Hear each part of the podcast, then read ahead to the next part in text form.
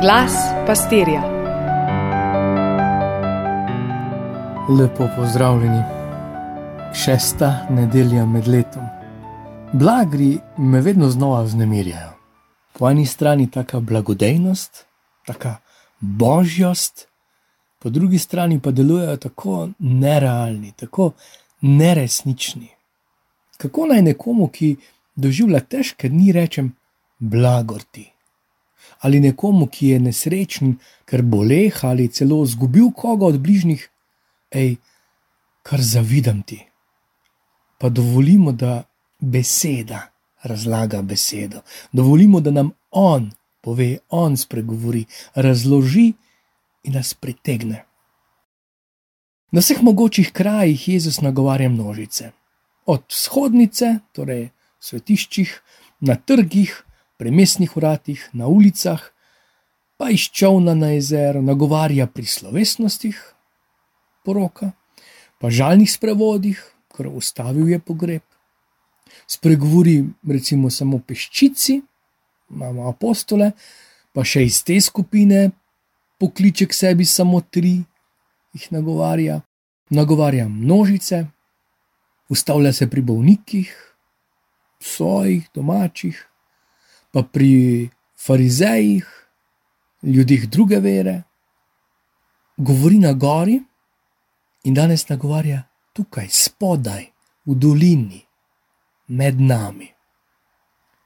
Če je bilo včasih potrebno hiteti po kopnem daleč okoli, da smo ga lahko spremljali, kako zdravlja in uči, če smo se morali prebiti skozi streho hiše, da smo lahko prišli do njega, pa se drugič za njim pospeti ali na drevo splezati, ali pa pospeti na goro, je tokrat čisto blizu našim skrbem, našemu vsakdanu.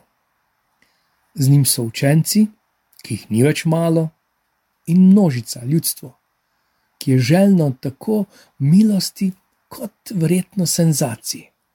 Lačni so upanja, lačni tudi smisla. Tare jih bolezen in dvom, bega jih če hočete, zunanja in notranja politika.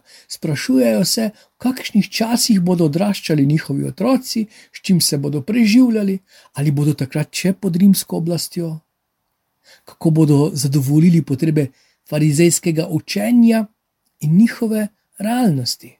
Preprosto, kako bodo našli ravnovesje med vero in hrepenenjem do Boga, med religioznostjo teh tisočih pravil in zapovedi in prepovedi, in na koncu, kako bodo vse to uskladili v svojem čisto preprostem delovnem vsakdanu. In vstopi Jezus. Radi bi ga slišali, še bolj se ga dotaknili. Sedaj so doživeli že toliko potrditev in končno tudi, kaj lahko zgubijo.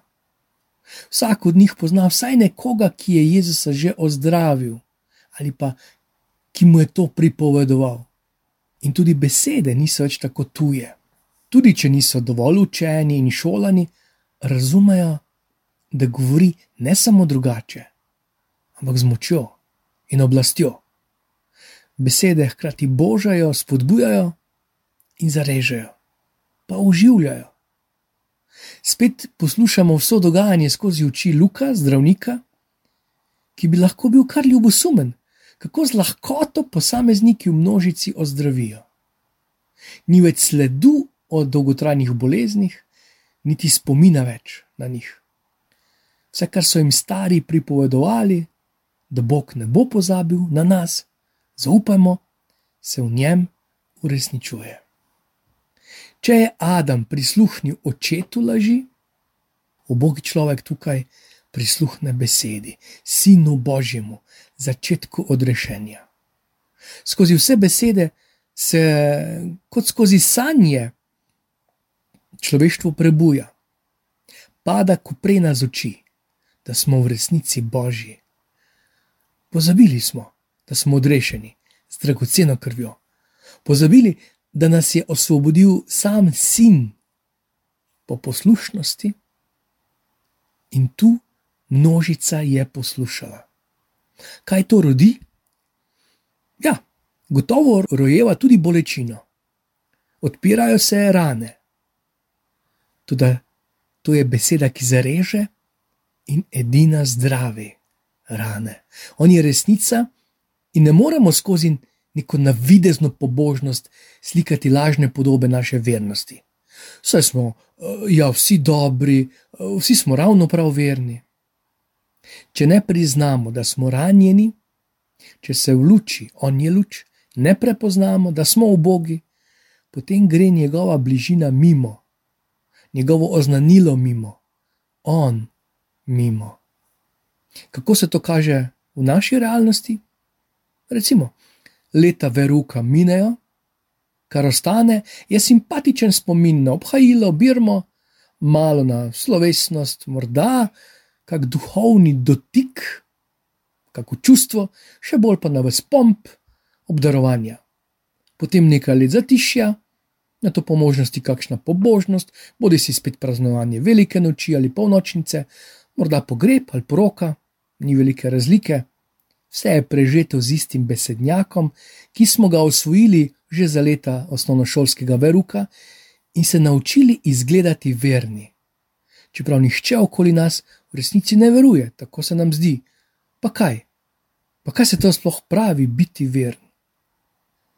O taki veri, da dopuščamo, da nekaj je nad nami, da je Jezus učil dobro besedo, in prinesel veliko lepega na svet, da nas uči, da moramo biti prijazni in dobri.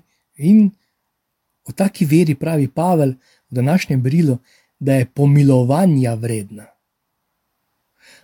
Vprašanje naše vere je vprašanje ne, ali je Jezus zdaj živel. To, to so dejstva, to uči že vsak popismen zgodovinar.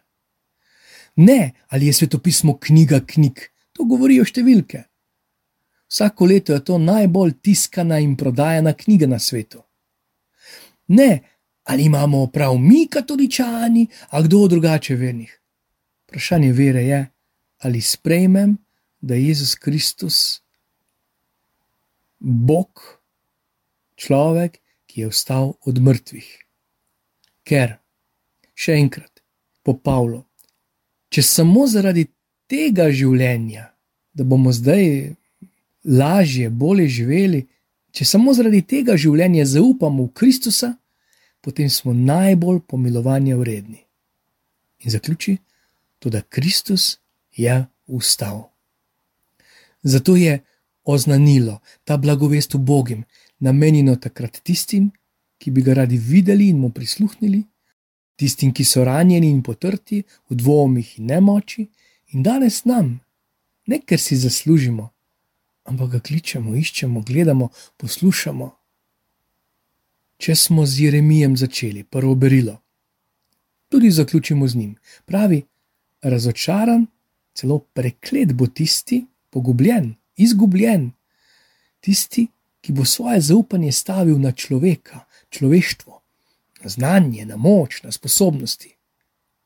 Prav je, da si prizadevamo tako za znanost, kulturo, olimpijske igre, šport, splošno za napredek. Tudi po vsem tem smo Bogu podobni. Toda gre za srce, ki se, če stavi na svoje sposobnosti, odvrne od Boga, pozabi na Boga, poišče nadomestke. Nasprotno pa, blagoslovljen tisti, ki zaupa v Boga, ne bo se bal in njegovo življenje bo v miru rodovitno pa vam v teh dnevih želim okušanja Božje bližine, njegovih blagrov. Vse dobro.